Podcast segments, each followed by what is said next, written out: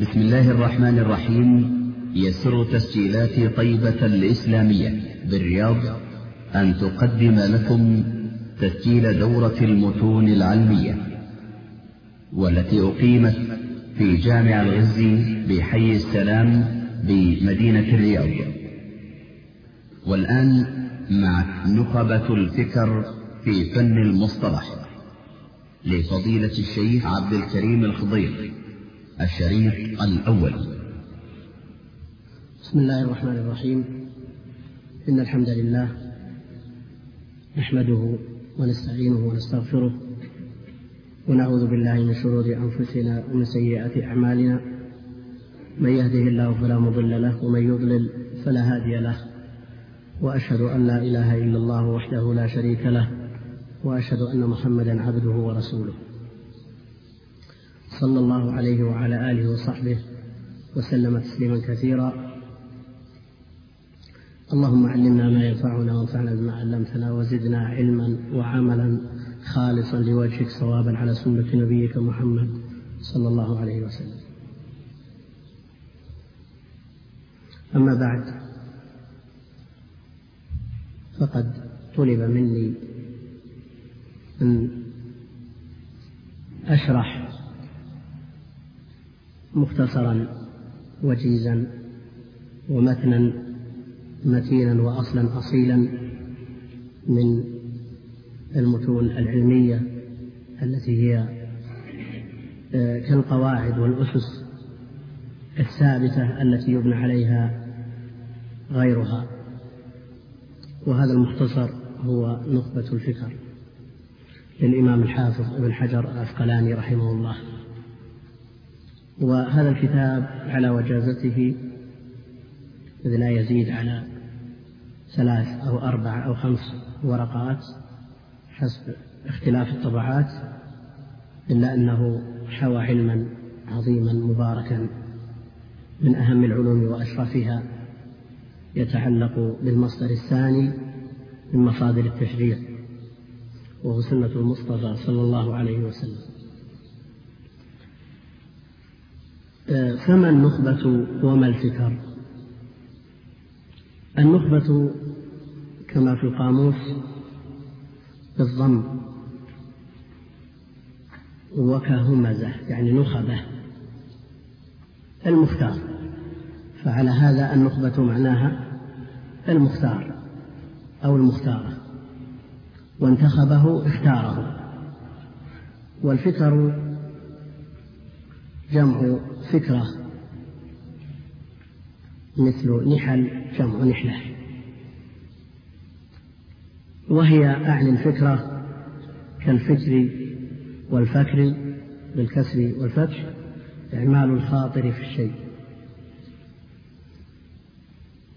قال الجوهري التفكر التأمل والاسم الفكر والفكرة والمصدر الفكر بالفتح قد يقول قائل ما الداعي إلى شرح العنوان؟ الداعي لذلك؟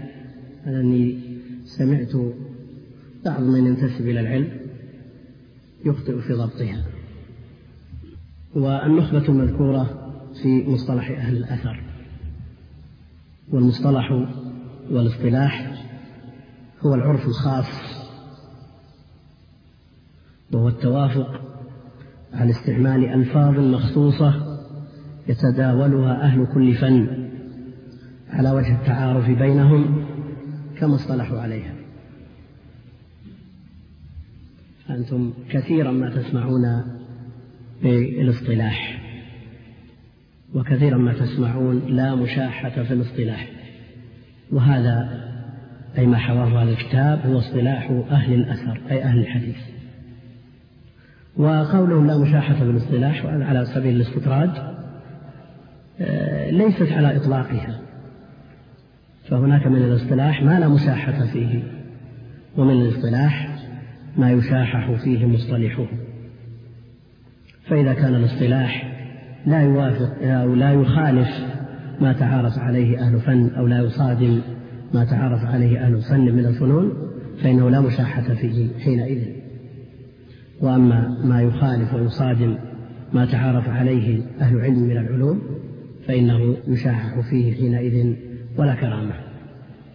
فلو قال شخص من الأشخاص أنا أصطلح لنفسي أن الشمال هو جنوب والغرب هو الشرق ولا مساحة في الاصطلاح نقول له بل المشاحة في مثل هذه الاصطلاح متعينة. ومثله لو قال أنا أصطلح لنفسي أن الواحد ربع الاثنين وليس نصف الاثنين نقول له مشاحة في الاصطلاح؟ لا يشاحح في هذا ومصطلح أهل الحديث أو أهل الأثر ويسمى أيضا مصطلح الحديث بدون أهل كما يسمى علوم الحديث وقواعد الحديث. هذه أسماء هذا العلم. والمصطلح أولى ما قيل في تعريفه وأوجز ما يذكر هو ما ذكره الحافظ رحمه الله في نكته على ابن الصلاح حيث عرفه بقوله معرفة القواعد المعرفة بحال الراوي والمروي. معرفة القواعد المعرفة بحال الراوي والمروي. ولو حذفت معرفة لكان الأمر سهلا. وقيل في تعريفه القواعد المعرفة بحال الراوي والمروي لكان آه، ذلك جائزا ولا حاجة إلى ذكر المعرفة. وأهل الأثر كما تقدم هم أهل الحديث وسيأتي إن شاء الله تعالى تعريف الحديث وتعريف الأثر حيث يذكرها المصنف رحمه الله.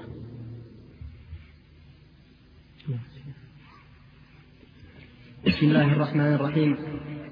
الحمد لله رب العالمين والصلاة والسلام على أشرف الأنبياء والمرسلين نبينا محمد وعلى آله وصحبه أجمعين.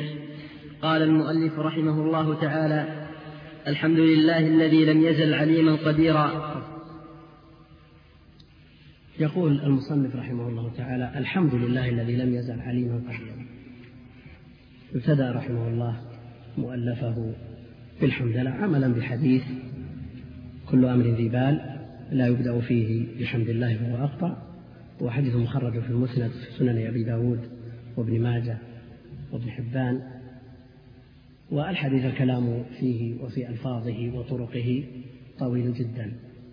لكن حسنه النووي بهذا اللفظ في الأذكار وحكم الشيخ الألباني رحمه حفظه الله بالضعف على الحديث بجميع طرقه وألفاظه. وعلى كل البداءة بالحمد لله لو لم يكن فيها إلا الاقتداء بالقرآن الكريم. والحمد عرفه الإمام ابن القيم رحمه الله في الوابل الصيب بأنه الإخبار عن الله بصفات كماله مع محبته والرضا به. الإخبار عن الله بصفات كماله مع محبته والرضا به. وهذا هو التعريف المختار للحمد. وإن جرى كثير من المؤلفين على غير هذا التعريف. وقالوا أن الحمد هو الثناء على الله سبحانه وتعالى بأفعاله الاختيارية أو الثناء على المحمود بصفاته الاختيارية يعني لا الإجبارية. لأن تعريف الحمد الثناء معارض لحديث مسلم وفيه يقول الرسول عليه الصلاة والسلام عن ربه في الحديث القدسي قسمت الصلاة بيني وبين عبدي نصفين ولعبدي مساء. فإذا قال العبد الحمد لله رب العالمين قال الرب حامدني عبدي. وإذا قال الرحمن الرحيم قال أثنى علي عبدي.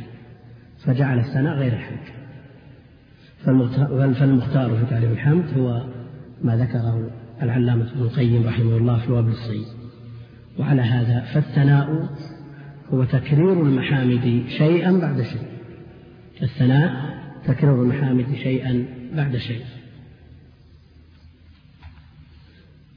وأل في الحمد للجنس أو الاستغراق واللام في لله للاختصاص. والله علم على الذات الإلهية وهو أعرف المعارف على الإطلاق. فيما ذكره سيبويه رحمه الله. ويذكر في حواشي بعض الكتب أن سيبويه رؤيا في المنام فقيل له ما فعل الله بك؟ فقال غفر لي بقولي الله أعرف المعارف وإن كان عند النحاة أعرف المعارف الضمير كما هو معلوم.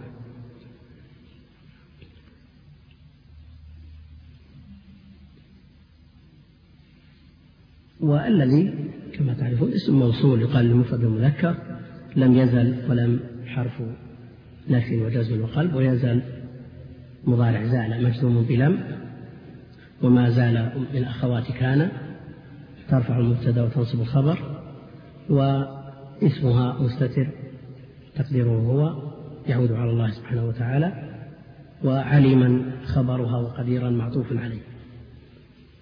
والعليم والقدير من أسماء الله الحسنى.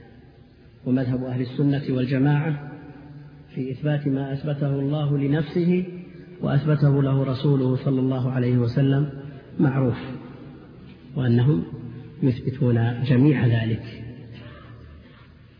من غير تعطيل ولا تمثيل ولا تكييف ولا تحريف نعم. وصلى الله على سيدنا على سيدنا محمد الذي أرسله إلى الناس بشيرا ونذيرا وعلى آل محمد وصحبه وسلم تسليما كثيرا. أما بعد. صلى الله. روى البخاري في صحيحه تعليقا مجزوما به عن أبي العالية قال صلاة الله يعني على رسوله ثناؤه عليه عند الملائكة. وصلاة الملائكة الدعاء. وروى عن ابن عباس أنه قال يصلون يبركون. وفي جامع الترمذي عن سفيان الثوري وغير واحد من أهل العلم قالوا صلاة الرب الرحمة وصلاة الملائكة الاستغفار. على سيدنا أي عظيمنا وشريفنا وأعلانا منزلة وأسمانا, قد وأسمانا قدرا وهو قدوتنا الذي لا قدوة لنا ولا أسوة لنا سواه. محمد الذي أرسله الله إلى الناس بشيرا ونذيرا أي مبشرا للمؤمنين بالجنة ومنذرا ومخوفا للكافرين بالنار.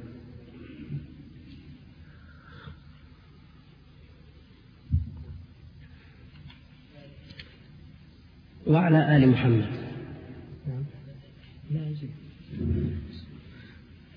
الآل اختلف في أصله فقيل أصله أهل. ثم قلبت الهاء حمزة. فقيل أأل ثم سهلت فقيل آل. ولهذا يرجع إلى أصله في التصوير فيقال أهيل. لكن العلامة ابن القيم في جلاء الأفهام ضعف هذا القول من ستة أوجه. لا يتسع المقام لذكرها ومناقشتها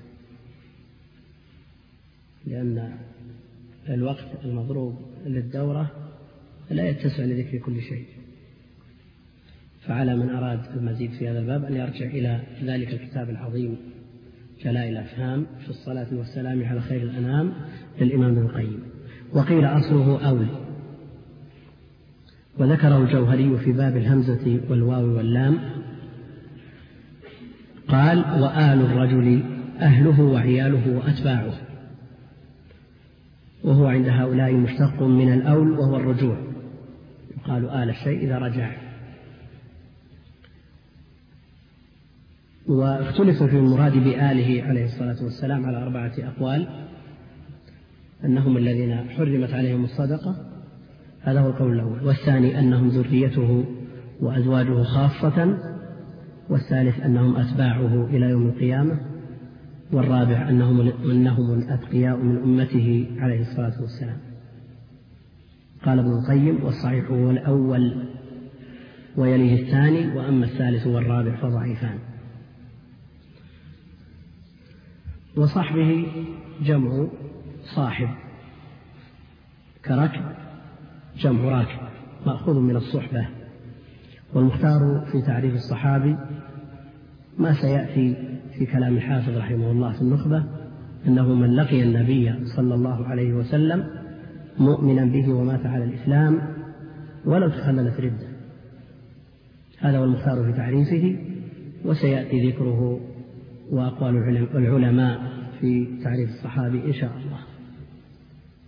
وسلم تسليما كثيرا تسليما مصدر مؤكد والمراد بإيراده إظهار زيادة التعظيم وإفادة التكثير كما أشار إليه بقوله كثيرا. وجمع المصنف رحمه الله بين الصلاة والسلام امتثالا للأمر الكريم في آية الأحزاب. يا أيها الذين آمنوا صلوا عليه وسلموا تسليما. أما من يفرد الصلاة دون السلام أو العكس فإنه لا يتم له امتثال الأمر في الآية. وقد صرح النووي رحمه الله في أوائل شرحه لصحيح مسلم بكراهة إفراد الصلاة دون السلام أو العكس. وإن خص المصنف بن حجر ذلك بمن جعل ذلك ديدنا له. يعني استمر على إفراد الصلاة دون السلام يعني طول عمره يصلي ولا يسلم على النبي عليه الصلاة والسلام. أو يسلم عليه عليه الصلاة والسلام دون أن يصلي. وسبب تخصيص الحافظ رحمه الله ذلك بمن جعله ديدنا له وقوع الإفراد في كلام كثير من الأئمة. ومنهم الإمام الشافعي في الرسالة وغيرها من مؤلفاته أفرد الصلاة على النبي عليه الصلاة والسلام دون السلام. وكذلك الإمام مسلم في صحيحه أفرد الصلاة دون السلام. وكذلك أبو إسحاق الشيرازي في المهذب والتنبيه واللمع وغيرها من مصنفاته أفرد الصلاة دون السلام. ومنهم النووي نفسه أفرد الصلاة دون السلام في بعض مؤلفاته كالتقريب وغيره نعم. فإن التصانيف في اصطلاح أهل الحديث قد كثرت وبسطت واختصرت. فسألني بعض يكفي يكفي. يقول المصنف رحمه الله أما بعد. أما حرف شرط وبعد قائم مقام الشرط. مبني على الضم لقطعه عن الإضافة مع نية المضاف إليه. وبعد وقبل والجهات الست كما يقولون لها آه، ثلاث حالات. الأولى أن تضاف فتعرب قد خلت من قبلكم. سنن. الحالة الثانية أن تقطع عن الإضافة مع نية المضاف إليه. فتبنى على الضم كما في قوله تعالى لله الأمر من قبل ومن بعد. وأن تقطع عن الإضافة مع عدم نية المضاف إليه فتعرب وتنوى كما في قول الشاعر فساغ لي الشراب وكنت قبلا. واختلف أهل العلم في أول من قال أما بعد. على ثمانية أقوال جمعها بعضهم في بيتين. قال جرى الخلف أما بعد من كان بادئا بها رد أقوالا وداود أقرب ويعقوب أيوب الصبور وآدم وقس وسحبان وكعب ويعرب ثمانية.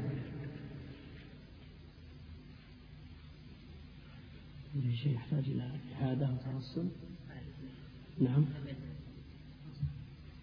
يعني في جميع الكلام ولا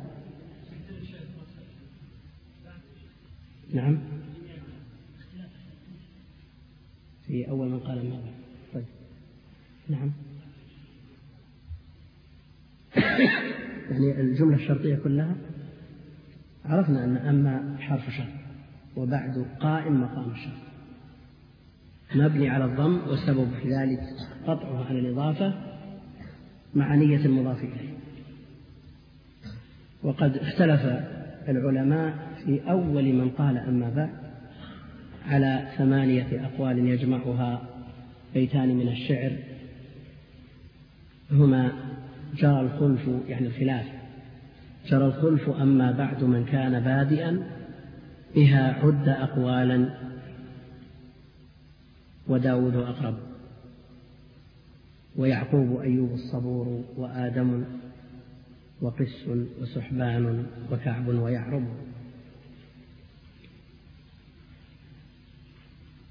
فإن التصانيف إلى آخره جواب الشرط والتصانيف جمع تصنيف وأصل التصنيف تمييز بعض الأشياء عن بعض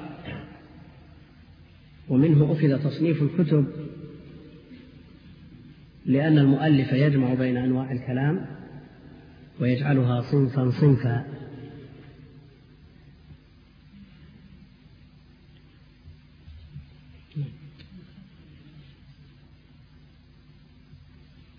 وهو في العرف ما في فرق بين التأليف وبين لأن التأليف الجمع والتصنيف التمييز وهو جمع الأمثال.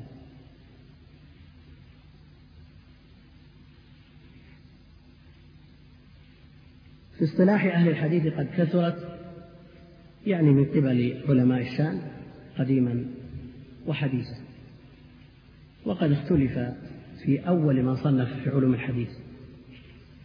فمنهم من يرى أن أول من صنف في علوم الحديث هو الإمام الشافعي فيما ذكره في ثنايا كتبه كالرسالة والأم وغيرهم واختلاف الحديث وغيرها.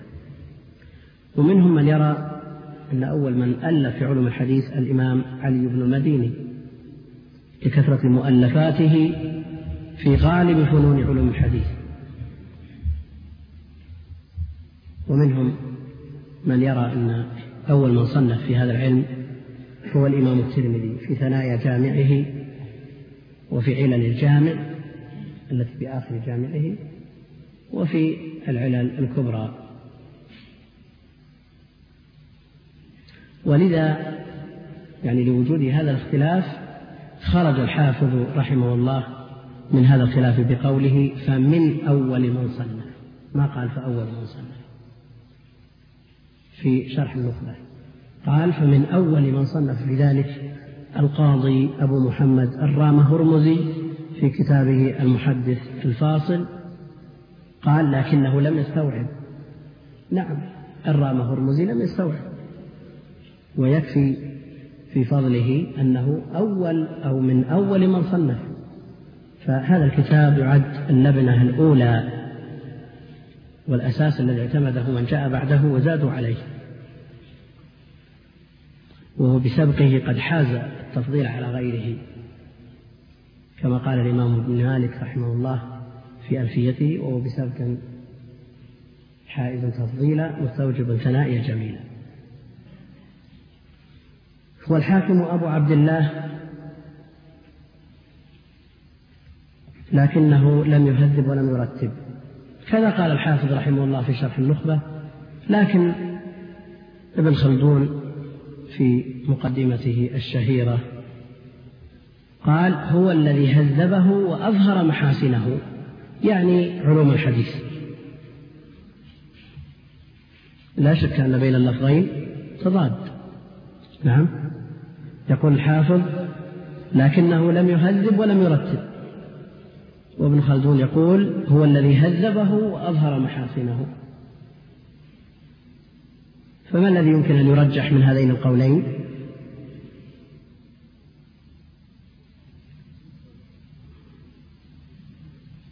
نعم. لم يهذب أو هذب. نعم. أقول لا داعي للترجيح بين هذين القولين. بإمكان حمل كل واحد منهما على حالة. فمن نظر إلى علوم الحديث ومعرفة علوم الحديث الإمام الحاكم وقارنه بكتب من تقدمه عرف أنه أول من هذبه وأظهر محاسنه. ومن قارن بين هذا الكتاب وبين من جاء بعده من المؤلفات في علوم الحديث ككتاب الصلاح وما دار في فلكه عرف أنه لم يهذب ولم يرد. قال الحافظ ثم جاء بعدهم الخطيب البغدادي فصنف في قوانين الرواية كتابا سماه الكفاية وفي آدابها كتابا سماه جامع لآداب الشيخ والسامع. ثم جاء الحافظ تقي الدين أبو عمرو بن الصلاح الشهرزوري فجمع كتابه الشهير علوم الحديث واجتمع في كتابه ما تفرق في غيره من مؤلفات الخطيب وغيرها فلهذا عكف الناس عليه وساروا بسيره يقول الحافظ فلا يحصى كم ناظم له ومختصر ومستدرك عليه ومنتصر. ومستدرك عليه ومقتصر ومعارض له ومنتصر. الأمر كما قال الحافظ رحمه الله بعد كتاب ابن الصلاح دار الناس في فلكه ولم يخرجوا عنه فنظم الكتاب بمنظومات كثيرة. منها منظومة الخويي وتقع في 1500 أو أكثر من الأبيات وكذلك الحافظ العراقي نظمه في ألفيته الشهيرة. يقول لخصت فيها ابن الصلاح أجمعه وزدتها علما تراه موضعه. وكذلك السيوطي استمد ألفيته من ألفية العراقي وعلوم الحديث ابن الصلاح وعليه شروح وحواشي ونكت. يعرفها أهل هذا الشأن ويطول الكلام بذكرها واستيعابها. وله مختصرات كمختصرات النووي وابن كثير والبدر بن جماعة وغيرها. ثم جاء الإمام الحافظ رحمه الله ابن حجر فألف كتابه المختصر النافع العجاب نخبة الفكر الذي نحن بصدد الحديث عنه. فاعتنى الناس به بهذا المختصر عناية فائقة. وعكف الناس عليه فنظمه أكثر من عشرة أشخاص وشرحه أضعاف ذلك العدد حتى من اهتمام الناس به اختصر رغم اختصاره وجزت ثم تتابع الناس على هذه الطريقة والسنة المحمودة وهي التأليف في علوم الحديث وما زالوا يكتبون في هذا العلم إلى يومنا هذا. ومن أنفع ما كتبه المتأخرون قواعد التحديث للقاسمي وتوجيه النظر للجزائري والوسيط للشيخ محمد بن شهبة رحمة الله على الجميع.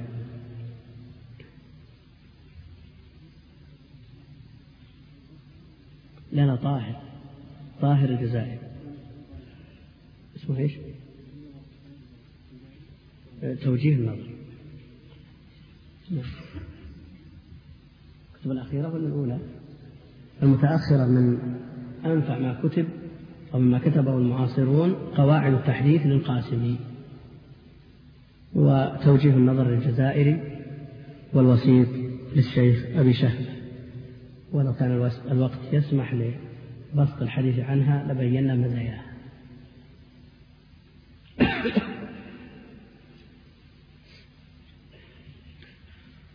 وبسطت ليتوفر علمها وتكثر فائدتها واختصرت ليتيسر حفظها. فالمطولات المبسوطة إنما صنفت للفهم وزيادة الفائدة. وليست للحفظ. اللهم إلا لندرة وقلة من الناس الذين حفظوا الأمهات الكبار حتى غير ما يهتم به طالب العلم. بل منهم من حفظ من كتب الأدب الكبار منهم من حفظ الأغاني. فمثل هذا يسهل عليه أن يحفظ هذه المطولات والمختصرات ميزتها الحفظ وسهولة ويسر الحمل فتحمل في السفر والحضر بخلاف المطولات ففي حملها وحفظها مشقة لا تخفى.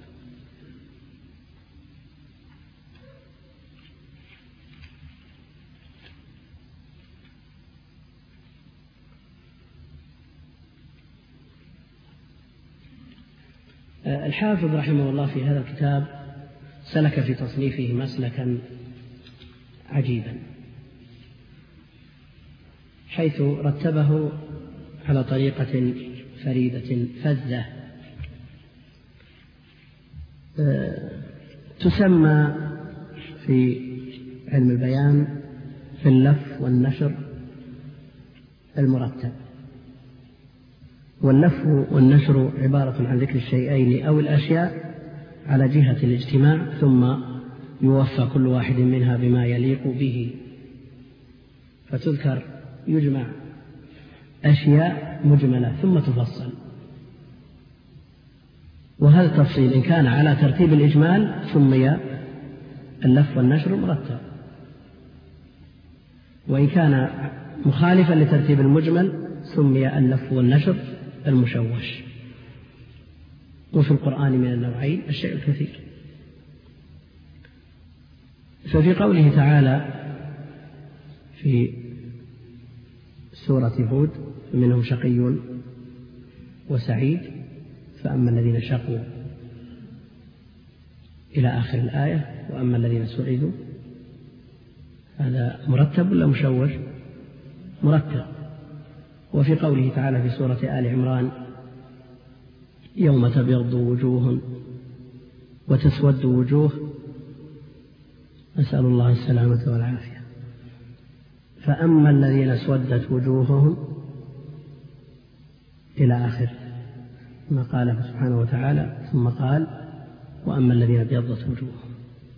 هذا لف ونشر لكنه مشوش ليس والتشويش في مثل هذا قد يكون مطلوبا مرغوبا وليس بأسلوب مفضول كما يؤخذ من اسمه لأن التشويش في الغالب يكون غير مرغوب.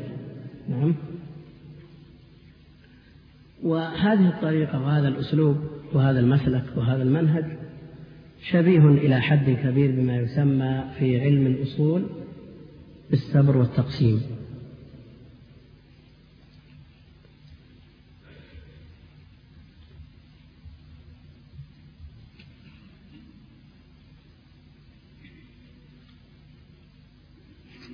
نعم. فسألني بعض الإخوان أن ألخص لهم له المهم من ذلك فأجبته إلى سؤاله رجاء الاندراج في تلك المسالك. نعم.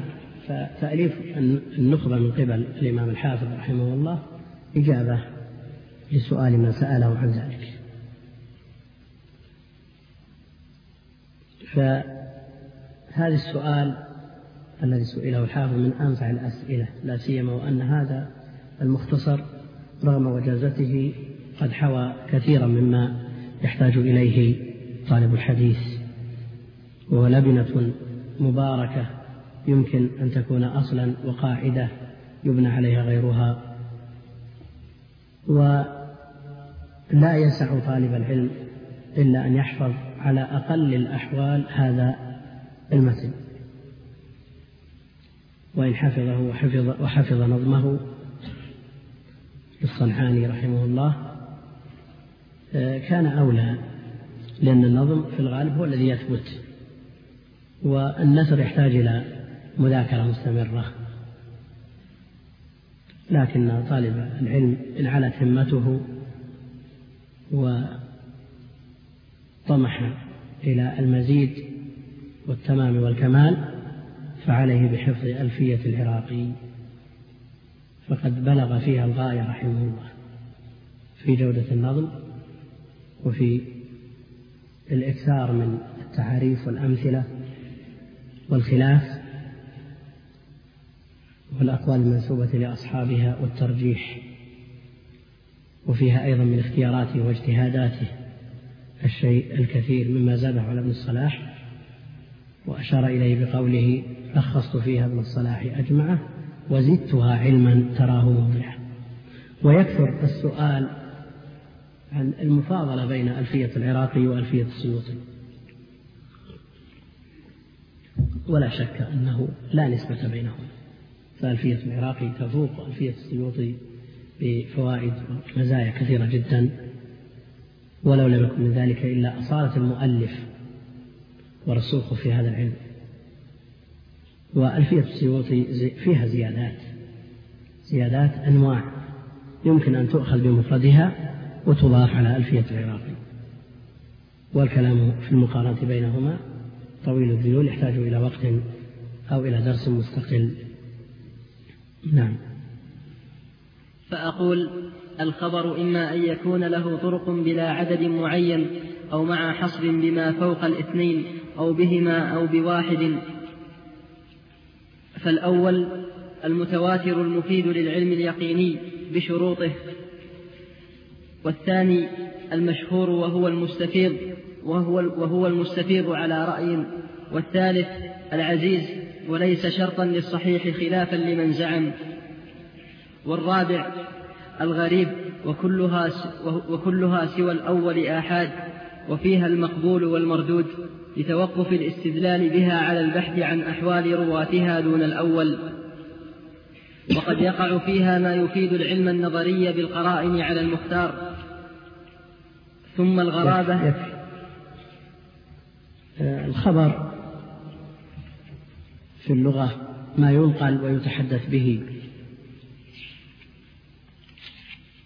والخبر عند علماء البلاغة ما يحتمل الصدق والكذب لذاته يعني بغض النظر عن قائله. وعند علماء الحديث الخبر مرادف للحديث وقيل الحديث ما جاء عن النبي صلى الله عليه وسلم خاصة والخبر ما جاء عن غيره. ومن ثم قيل لمن يشتغل بالتواريخ وما شاكلها الأخباري ولمن يشتغل بالسنة النبوية المحدث. قال الحافظ وقيل بينهما عموم وخصوص مطلق. فكل حديث خبر من غير عكس. إيش معنى عموم وخصوص مطلق؟ لماذا لا يكون العموم والخصوص هنا وجهي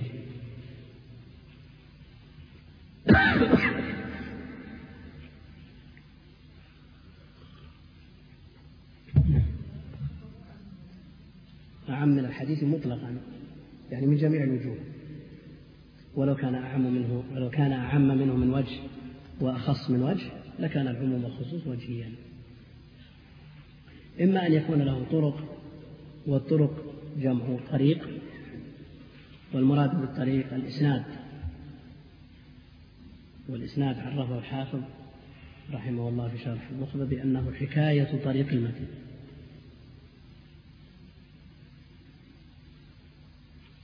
والسند والإسناد كما قال المناوي لا يشك محدث أنهما مترادفان. فعلى هذا كل من السند والإسناد حكاية طريق المتن أو الطريق الموصلة إلى المتن. الطريق الموصلة إلى المتن. ولو عرف الإسناد بأسلوب يكون أوضح من ذلك كله كأن يقال الإسناد أو السند سلسلة الرجال الذين يذكرهم المحدث ابتداء بشيخه وانتهاء برسول الله صلى الله عليه وسلم لكان أوضح. بلا عدد معين على الصحيح. بل الضابط في ذلك أن تكون العادة أحالت تواطؤهم على الكذب وكذا أحالت وقوعه وقوع الكذب منهم اتفاقا من غير قصد. ومن أهل العلم من عين للتواتر عددا محددا فحده بعضهم في الأربعة وبعضهم في الخمسة وآخرون في السبعة وجمع في العشرة وقيل في الاثني عشر وقيل في الأربعين وقيل في السبعين وقيل غير ذلك.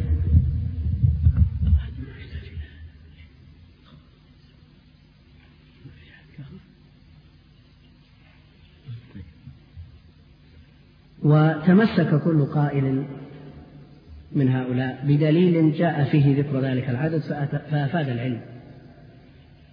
وليس بلازم أن يضطرد في غيره من الأعداد لاحتمال الاختصاص. أو لقرينة احتفت بهذا الخبر فأفاد العلم على ما سيأتي فيما يفيده خبر الواحد.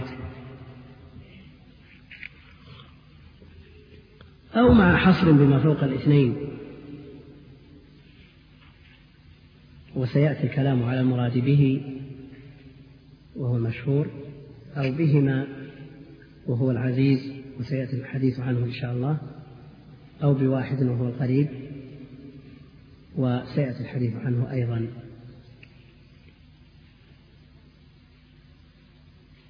فالأول المتواتر وعرفوه لغة بأنه مشتق من التواتر بمعنى التتابع. يقال تواترت الإبل والقطا إذا جاءت في إثر بعض يعني متتابعة ولم تجئ دفعة واحدة مصطفة وأما في الاصطلاح فقد عرفه ابن الصلاح وتبعه النووي في التقريب بأنه الخبر الذي ينقله من يحصل العلم بصدقه ضرورة عن مثلهم من أوله إلى آخره. وعرفه النووي في شرح مسلم بأنه ما نقله عدد لا يمكن مواطأتهم على الكذب عن مثله ويستوي طرفاه والوسط ويخبرون عن أمر حسي لا مظنون. وقريب من تعريف النووي هذا تعريف الحافظ رحمه الله في النخبة وشرحها. وشروط المتواتر تؤخذ من التعريف آنف الذكر فهي أربعة. الأول أن يخبر به عدد كثير يحصل العلم الضروري بصدقه من غير حصر على الصحيح كما تقدمت الإشارة إليه والشرط الثاني أن يخبروا عن علم لا عن ظن.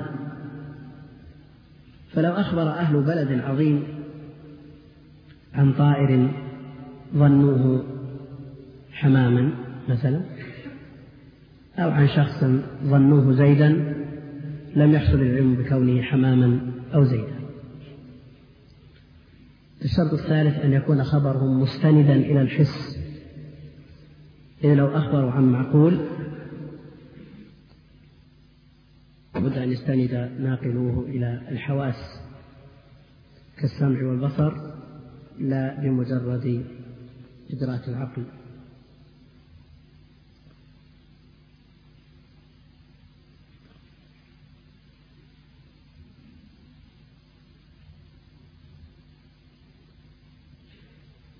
يقول الحافظ بن حجر رحمه الله في الفتح الخبر أو الأخبار التي تشاع ولو كثر ناقلوها. لا تفيد العلم إذا لم تستند إلى الحس من سماع أو مشاهدة. واستدل على ذلك بقصة اعتزال النبي صلى الله عليه وسلم نساءه حيث شاع في المدينة أن النبي صلى الله عليه وسلم طلق نساءه. فدخل عمر بن الخطاب البلد وجد الناس حول المنبر فسألهم أطلق النبي صلى الله عليه وسلم نساءه فأجابوه نعم بناء على هذه الإشاعة والواقع خلاف ذلك. فكون الرسول عليه الصلاة والسلام اعتزل نساءه شهرا أشيع في المدينة أن النبي عليه الصلاة والسلام طلق نساءه. وأثر ناقل هذا الخبر. لكن لما لم يكن مستند هذا الخبر إلى الحس من سماع لفظه عليه الصلاة والسلام لم يفد العلم. والشرط الرابع أن توجد هذه الشروط في جميع طبقات السند لأن كل عصر يستقل بنفسه. فلو رواه جمع في جميع الطبقات إلا في طبقة واحدة. تفرد به شخص واحد أو اثنان أو ثلاثة أو عشرة. ما لم يبلغوا حد التواتر فإنه لا يفيد العلم ولا يسمى متواترا.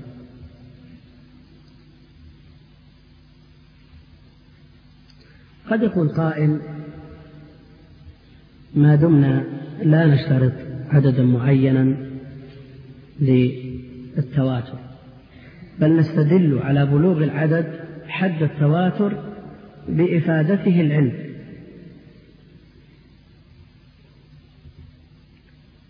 ونستفيد العلم من هذا الخبر ببلوغ ذلك العدد المطلوب للتواتر. قد يقول قائل إن هذا يلزم منه الدور.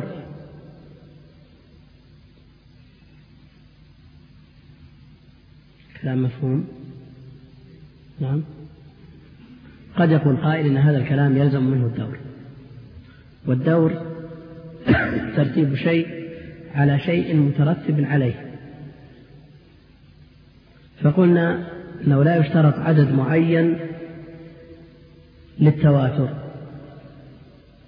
بل نستدل على بلوغ العدد المطلوب بحصول العلم.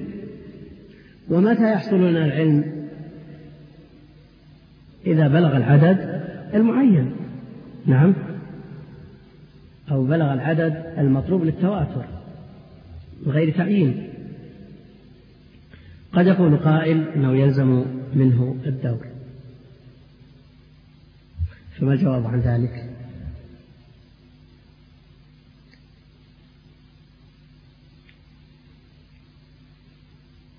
من يجيب نعم. السؤال أنه قد يقول لنا قائل أنتم قلتم أن يخبر به عدد كثير يحصل العلم الضروري بصدق خبرهم. نعم من غير حصر. فرتبنا بلوغ العدد المطلوب على حصول العلم. والعلم لا يحصل إلا إذا وجد العدد المطلوب.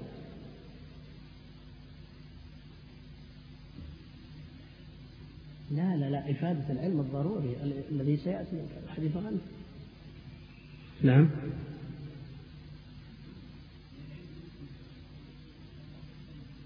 لا لا ليس هذا. نعم.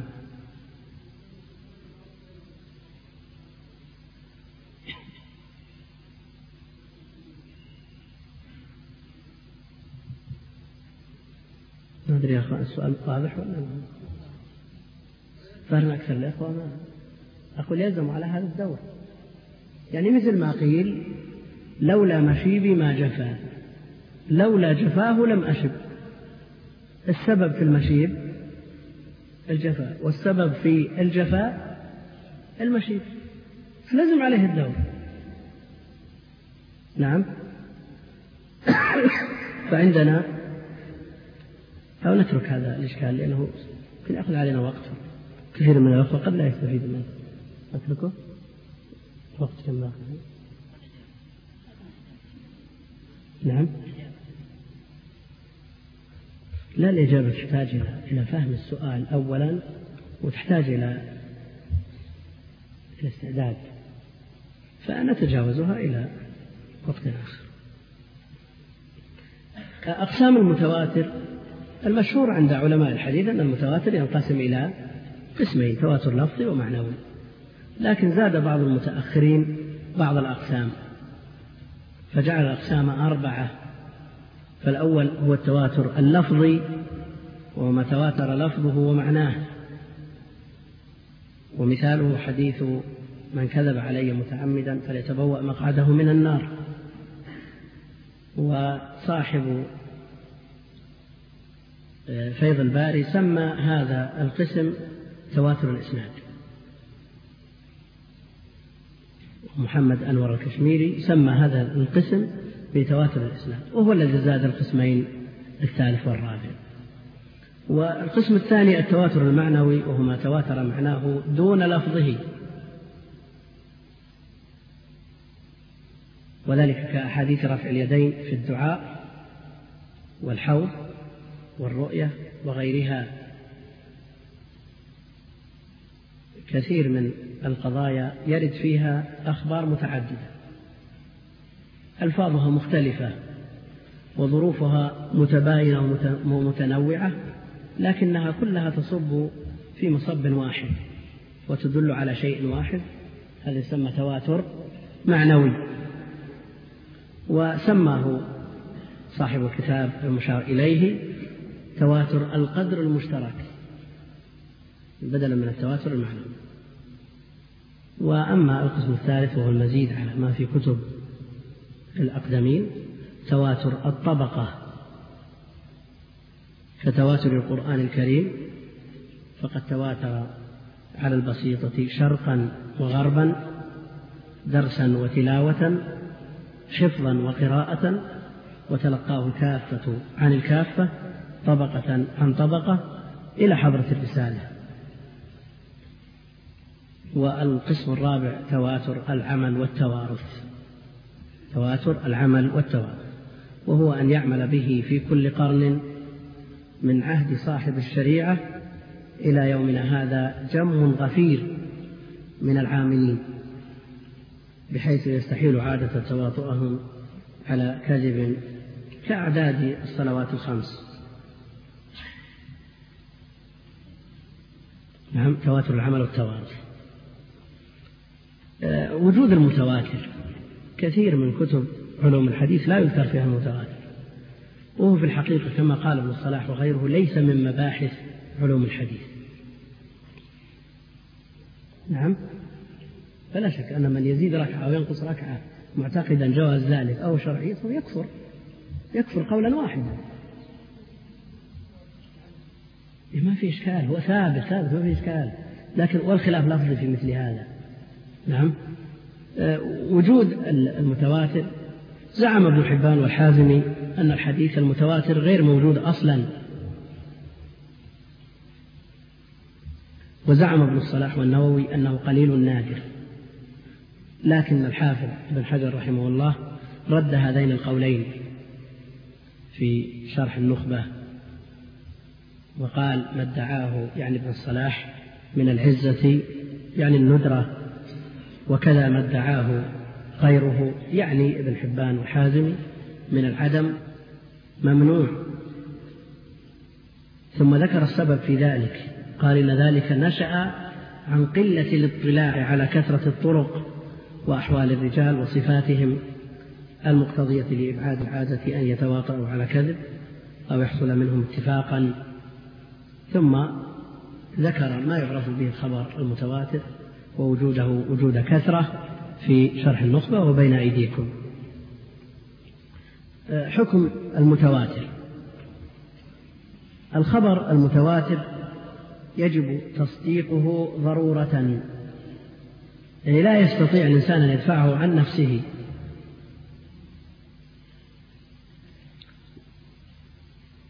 فإذا قال شخص أن هناك بلد تسمى مكة أو هناك بلدة تسمى بغداد مثلا.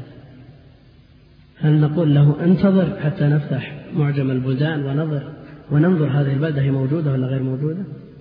لا ما يمكن أن يدفعه الإنسان عن نفسه. يسلم به فور سماعه. فالخبر المتواتر مفيد للعلم القطعي الضروري. فلا حاجة إلى البحث عن أحوال رواته. قال الحافظ المعتمد أن الخبر المتواتر يفيد العلم الضروري وهو الذي يضطر إليه الإنسان بحيث لا يمكنه دفعه. وقيل لا يفيد العلم إلا نظريا وليس بشيء لأن العلم حاصل به لمن ليس له أهلية النظر والاستدلال كالعامي مثلا والنظري يفيد العلم لكن بعد النظر والاستدلال. ما الفرق بين العلم الضروري والعلم النظري؟ في إفادة العلم هما سواء. الخبر المنقول بما يفيد العلم النظري أو الضروري صحيح مئة بالمئة ما في أدنى إشكال. لكن العلم الناشئ عن التواتر وهو ضروري يفيد العلم فور سماعه فلا يحتاج إلى نظر ولا استدلال. والعلم النظري يحتاج إلى مقدمات ويحتاج إلى نظر واستدلال. فإذا تم هذا النظر والاستدلال استقر في النفس بحيث لا يتزعزع فصار اعتقادا جازما لكن بعد النظر والاستدلال. خالف في إفادة العلم المتواتر قال في إفادة المتواتر العلم فرقة لا يؤبه لها لكن تذكر من باب العلم بالشيء وذكرها أهل العلم. فرقة من عبدة الأصنام يقال لهم السمنية هؤلاء حصروا العلم في الحواس. لا يمكن أن يصدقوا بأي خبر من الأخبار. ما لم يثبت بطريق الحس إما يشم أو يذاق أو يلمس أو يسمع. أما ما عدا ذلك فلا يثبت. وهذا مذهب باطل لأنه لا يختلف اثنان. في بلدة تسمى مكة وأخرى تسمى بغداد وإن لم وإن لم يدخلاها وقد نبه الله سبحانه وتعالى في مواضع من كتابه على إفادة التواتر العلم اليقيني حيث جعله بمنزلة الرؤية البصرية. فخاطب النبي عليه الصلاة والسلام وخاطب المؤمنين وخاطب غيرهم بمثل قوله تعالى ألم تر كيف فعل ربك بأصحاب الفيل؟ ألم ترى والرسول عليه الصلاة والسلام ما رأى لكن نقل له بخبر التواتر. فنزله منزلة المرئي وقوله تعالى ألم ترى كيف فعل ربك بعاد؟ وهذا أقدم. وقوله ألم يروا كما أهلكنا من قبلهم من قرن؟ فهذه الوقائع معلومة عندهم بالتواتر فعبر الله سبحانه وتعالى عن علمها برؤيتها وفيه إشارة إلى جعل العلم الحاصل من المتواتر بمنزلة المشاهد في القطعية. هناك مؤلفات ألفت جمع فيها الأحاديث المتواترة. منها الأزهار المتناثرة في الأخبار المتواترة للسيوطي ومنها أيضا قطف الأزهار له وهو مختصر من الذي قبله ومنها نظم المتناثر من الحديث المتواتر للكتاني وبهذا نكون انتهينا من النوع الأول من أقسام الأخبار. والثاني يقول الحافظ رحمه الله والثاني المشهور وهو المستفيض على رأسه نعم وسيلة الفضيلة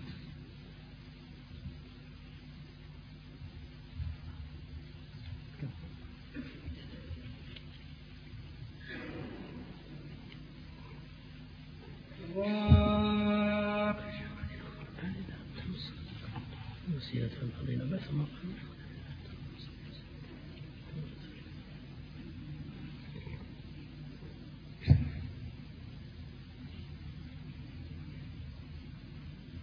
ولعلنا نظرا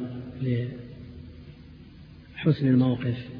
يعني وقفنا على النوع الثاني نختم درس هذا اليوم ونبدأ به في الدرس القادم إن شاء الله تعالى. وأما بالنسبة للحفظ فالحفظ كما ذكرت سابقا أن حفظ مثل هذا الكتاب أقل ما يؤديه أو ما يقوم به طالب العلم مهما كان تخصصه. لا يقول الطالب أنا تخصصي فقه أو تفسير أو ما أشبه ذلك كيف أحفظ متن في علوم الحديث؟ مثل هذا لا يرد على آه، بال طالب العلم ينبغي أن لا يرد مثل هذا التصور. فإذا كان هناك من يريد الحفظ فليقيد اسمه ويسمع في أي وقت. ونكلف بعض الأخوة بالاستماع للحفاظ إن شاء الله تعالى. صلى الله وسلم على نبينا محمد وعلى آله وصحبه أجمعين.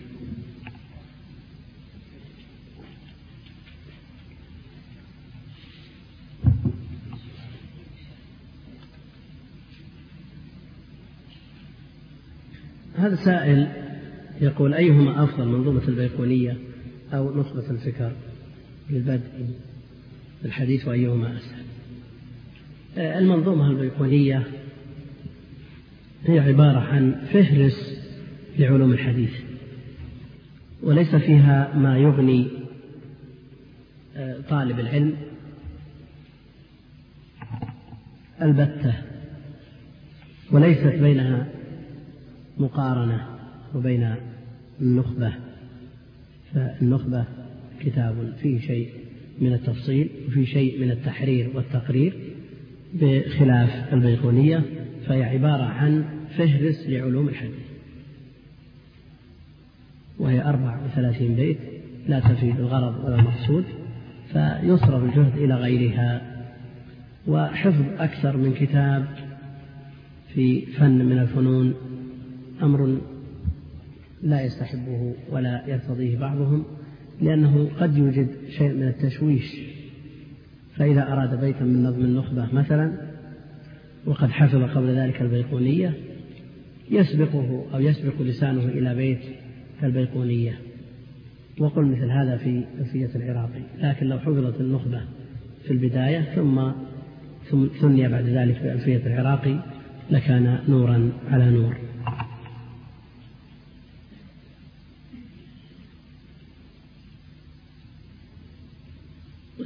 كتاب منهج النقد في علوم الحديث لنور الدين عسر كتاب جيد في ترتيبه ومرتب ترتيب جيد في الجملة إلا أن كتب المتقدمين لا يعدلها غيرها مهما كانت منزلة مؤلفه.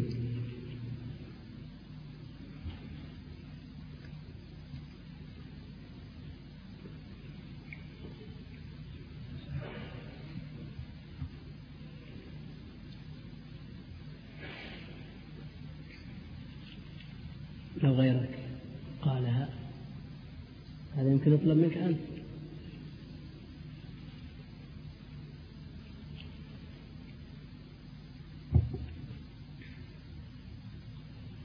هل يقبل الخبر المتواتر إذا نقل عن غير المسلمين؟ نعم. فلا يشترط في الخبر المتواتر ثقة رجاله. فلو اتفق الكفار على نقل خبر قبل هذا الخبر لأنهم لا يمكن تواطؤهم جميعا على الكذب ولا يمكن أن يحصل هذا الكذب أو الخطأ اتفاقا من غير قصد. نعم. في المتواتر ما توزن ولذلك نص كثير من علماء الحديث أن المتواتر ليس من مباحث علوم الحديث.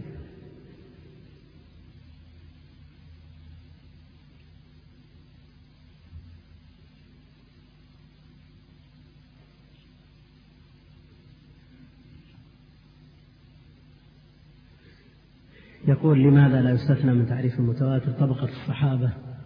لأنهم كلهم عدول فكيف يقال يستحيل تواطؤهم على الكذب؟ هذا تأتي الإشارة إليه في الدرس القادم لأن المستفيض هو ما فقد شرط التواتر في طبقة الصحابة عند الحنفية وتأتي الإشارة إليه وتقريره إن شاء الله تعالى. تسلمت في آخر الدرس الماضي عدة أوراق كلها يدور حول حول أمرين. الأول هو قضية تكرار تكرار بعض تعريف الشروط وهذا أمر جيد قضية التكرار تفيد الطالب لكن قد لا يسعف الوقت بتكرار آه، بعض الأمور لأن الوقت المقرر لهذه الدورة هو ستة أو سبعة دروس على الأكثر. ذهب واحد منها هدرا. نسأل الله التعويض. الأمر الثاني هو قضية رفع الصوت. الصوت في هذه الأيام لا يسعفني أن أرفعه أكثر مما تسمعون. والدرس أذنا بتسجيله. ومن ثم مراجعته من قبل الإخوة وتحريره فيما بعد. في آخر الدرس الماضي أثرنا إشكالا وهو أن من شروط المتواتر أنه لا بد أن يخبر به عدد يحصل بهم العلم من غير حصر. فهل معنى هذا أننا لا نعرف اكتمال ذلك العدد حتى يحصل لنا العلم؟ ولا يحصل العلم إلا باكتمال هذا العدد فيلزم عليه الدور.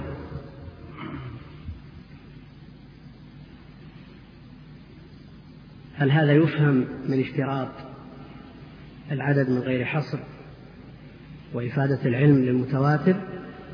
أنه يلزم عليه الدور. بعضهم أورد ذلك. لكن طلبنا جواب من الإخوة. وأنظرناهم لعلنا أن نجد عندهم شيء مما يدور حول الجواب. في جواب يا إخوان؟ نعم. يعني بالنسبة للعلم يعني يعني العلم قد يفيد التواتر في مثلا في واقعة معينة أو في خبر معين ولا طيب. يفيده في خبر اخر يعني لا نشترط العلم يعني عادي يعني لا نحصر ال- يعني العلم بالتواتر في عدد معين ولكن قد يختلف العدد باختلاف الواقعه وباختلاف السامعين وباختلاف الناقلين و هذا يمكن يمكن أن يقال لا هو يمكن أن يقال مثل هذا الكلام في خبر الواحد الذي يفيد العلم. أنه يفيد بالنسبة لقوم دون آخرين وأنه يفيد بالنسبة لواقعة احتفت بها قرينة دون واقعة أخرى. أما التواتر فهو مفيد للعلم مطلقا. العلم الضروري الذي يجد كل إنسان أو يجد نفسه مضطر لتصديقه. يعني إذا اشترطنا عدد معين؟ لا الصواب أنه من غير حصر. إذا كان من غير حصر فإذا لا يلزم الدور. متى عرفنا اكتمال العدد؟ ومتى وصل ومتى حصل لنا علم؟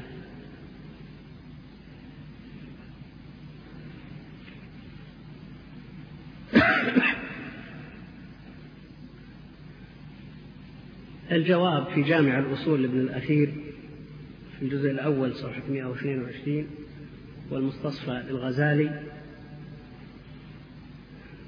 قال ينقسم عدد المخبرين إلى ناقص فلا يفيد العلم وإلى كامل فيفيد العلم وإلى زائد يحصل العلم ببعضه.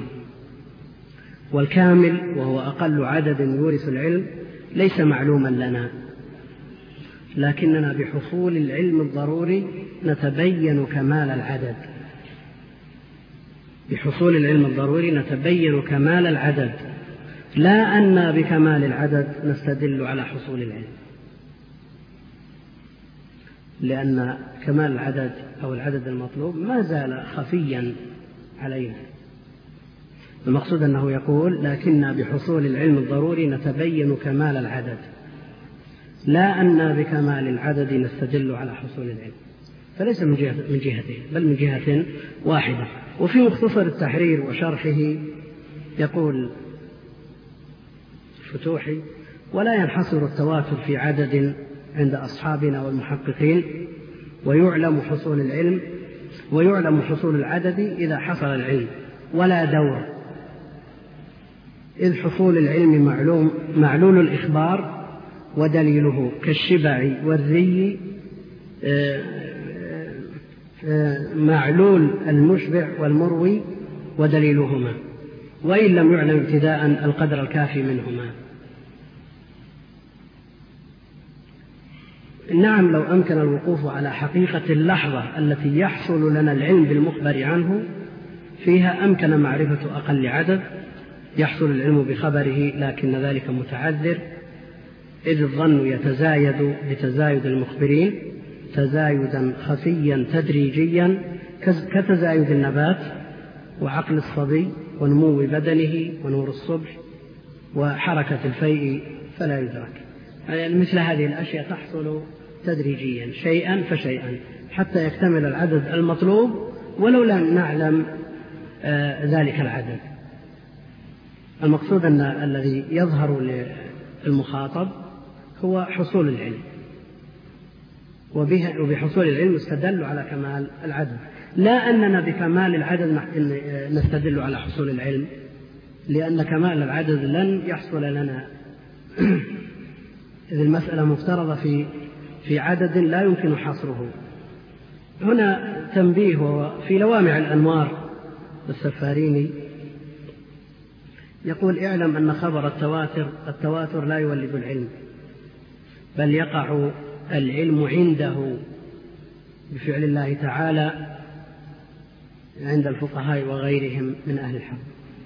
فقوله يقع العلم عنده يقع العلم عند هذا الخبر يعني لا به. كما يقول الأشاعرة أن الشبع يقع عند الأكل لا به والري يقع عند الشرب لا به. وهذه مسألة معروفة في كتب العقائد مشهورة عند الأشاعرة مسألة إلغاء تأثير الأسباب. لا نطيل بذكرها. المقصود أن الجواب حصل في كلام ابن الأثير رحمه الله. انتهينا من المتواتر ومتعلقاته. والثاني هو أول أقسام الآحاد المشهور. يقول الحافظ وهو المستفيض على رأي.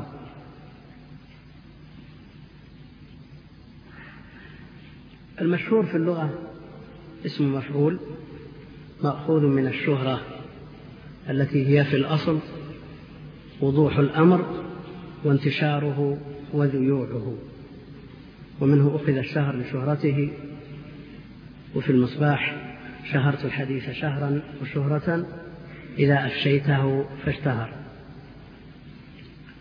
وفي الاصطلاح على رأي الحافظ رحمه الله ما رواه ثلاثة فأكثر في كل طبقة ما لم يبلغ حد التواتر. هذا عند الحافظ ومن تبعه. وأما تعريفه عند ابن الصلاح ومن دار في فلكه تبعا لابن منده أنه ما رواه أكثر من ثلاثة ما لم يبلغ حد التواتر. فعلى هذا مروي الثلاثة فقط لا يسمى مشهورا وإنما يسمى عزيزا كما سيأتي. يقول الحافظ رحمه الله يعني المشهور وهو المستفيض على رأي. يسمي بعض العلماء هذا النوع المستفيض. ومنهم من غاير بين المشهور والمستفيض لأن المستفيض يكون في ابتدائه وانتهائه سواء يعني يروي ثلاثة عن ثلاثة عن ثلاثة إلى آخره أربعة عن أربعة عن أربعة إلى آخر الإسناد. أما إذا زاد العدد ونقص فإنه لا يسمى مستفيضا وإنما يسمى مشهورا. والمشهور أعم من ذلك ومنهم من عكس. من أهل العلم من قال إن المشهور هو الذي يكون عدد الرواة في ابتدائه وانتهائه سواء والمستفيض أعم من ذلك. ويرى الحنفية أن المشهور ليس بقسم من أقسام الآحاد كما هو المعروف عند جمهور العلماء بل يرون المشهور قسم متوسط قسم متوسط بين المتواتر والآحاد. ويخصون المشهور بما فقد شرط التواتر في طبقة الصحابة فقط.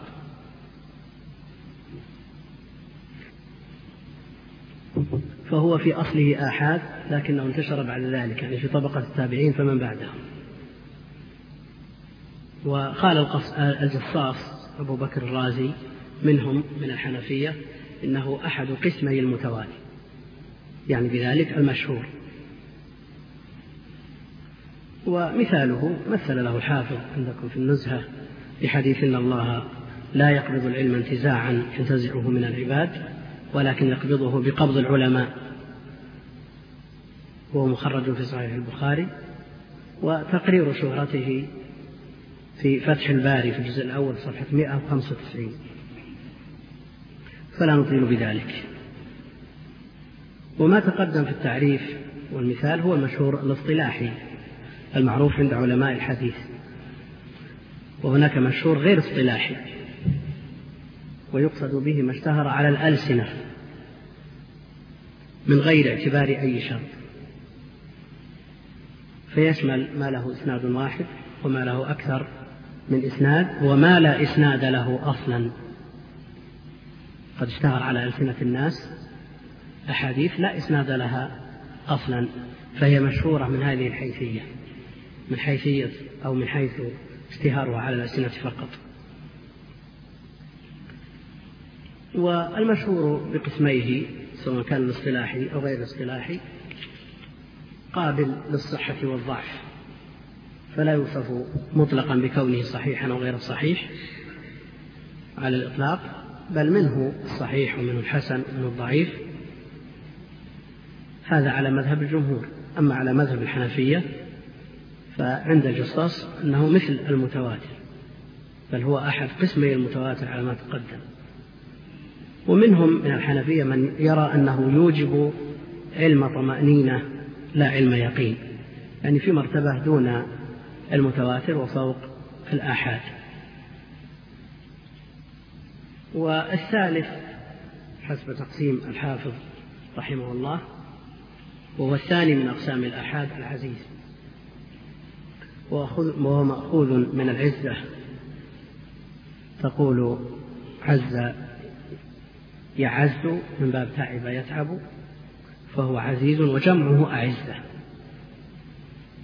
وتعزز تقوى. وعززته بآخر قويته. وعز ضعف فيكون من الأضداد. يطلق عز ويراد به قويا. وكما يطلق عز ويراد به ضعف. وعز الشيء يعز من باب ضرب لم يقدر عليه لقلته وندرته. واصطلاحا اختار الحافظ في تعريفه ما سمعتم وأنه ما رواه الثاني ولو في بعض طبقات السند. يعني ولو زاد في بعض الطبقات الأخرى على اثنين. المقصود أنه يرويه اثنان فقط ولو في بعض الطبقات بحيث لا يقل العدد عن اثنين. وعلى رأي ابن مندة وما سبقت الإشارة إليه وتبعه على ذلك ابن الصلاح والنووي وابن كثير أنه ما رواه اثنان أو ثلاثة. وسمي العزيز بذلك إما لقوته أو لندرته وقلته. صاحب فتح الملهم شرح صحيح مسلم قال في مقدمة الكتاب أو تمنى في مقدمة الكتاب أن لو سمى المحدثون ما رواه الثلاثة بالعزيز. لقوله تعالى فعززنا بثالث وما رواه اثنان بالمؤزر لقوله تعالى واجعل لي وزيرا من أهلي. يقول لأن الاصطلاح كلما قرب من الاستعمال القرآني كان أحسن وأليق.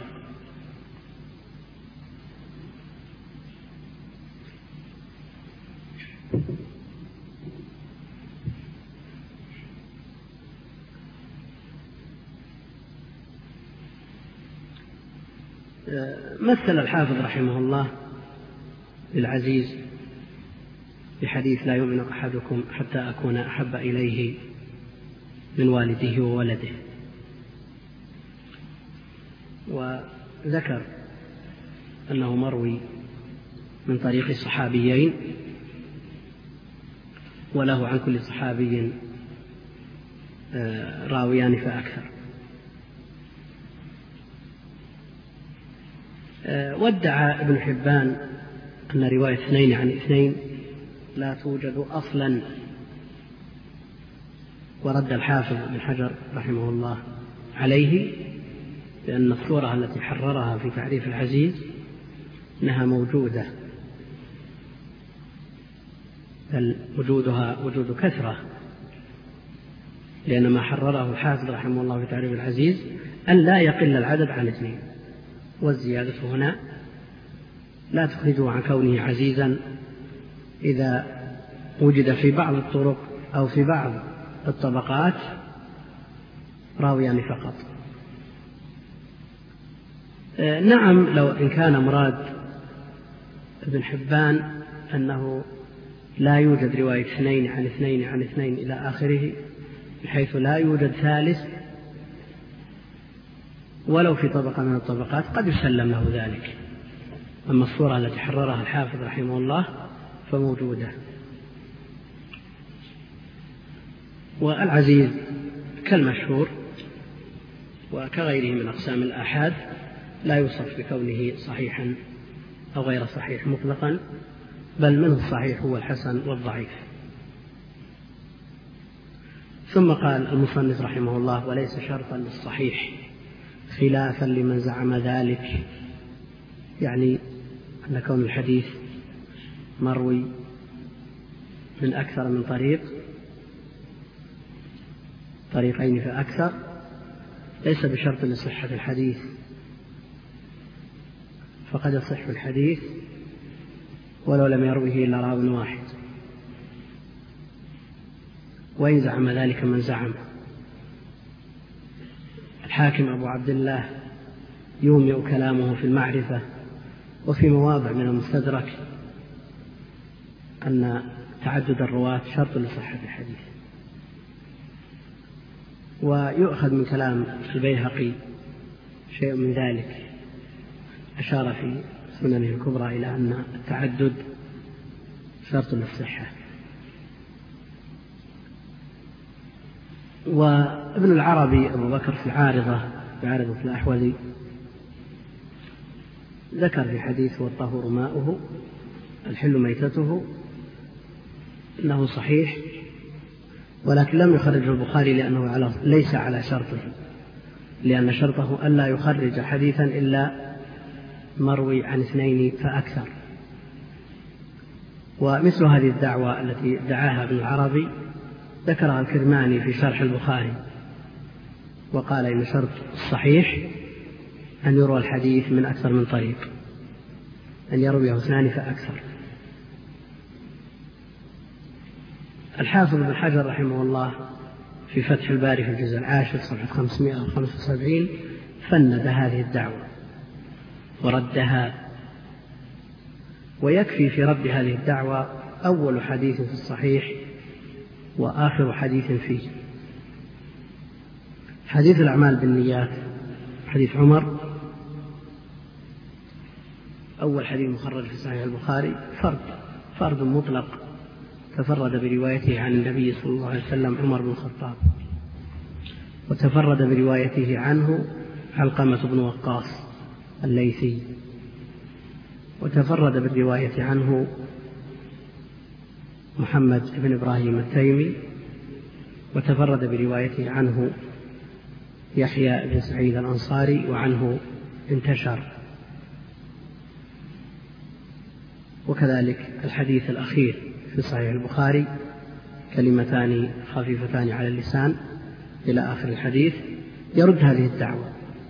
فقد تفرد بروايته عن النبي صلى الله عليه وسلم أبو هريرة. وتفرد به عنه أبو زرعة بن عمرو بن جرير البجلي وتفرد به عنه عمارة بن القعقاع وتفرد بروايته عنه محمد بن فضيل عنه انتشر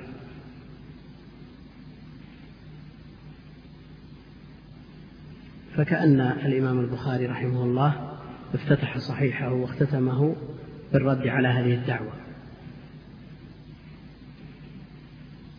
ولذا يقول الناظم ناظم النخبة لما ذكر العزيز وليس شرطا للصحيح فاعلمي وقيل شرط وهو قول الحاكم.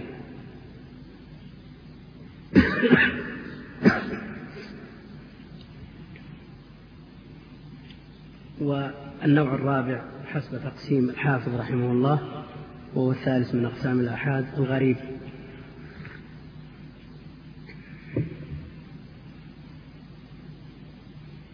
وهو في الأصل مأخوذ من الغرابة. تقول غرب الشخص عن وطنه أي بعد وجمعه غرباء. والمحدثون يجمعون الغريب على غرائب كما في غرائب مالك للدار قطني.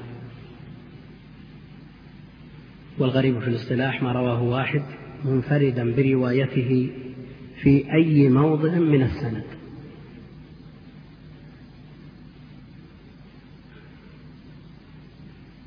والغريب والفرد ذكر الحافظ رحمه الله أنهما مترادفان لغة واصطلاحا. يقول إلا أن أهل الاصطلاح غايروا بينهما من حيث كثرة الاستعمال وقلته فالفرد أكثر ما يطلقونه على الفرد المطلق. والغريب أكثر ما يطلقونه على الفرد النسبي. ولكم تحيات إخوانكم في تسجيلات طيبة الإسلامية بمدينة الرياض. والسلام عليكم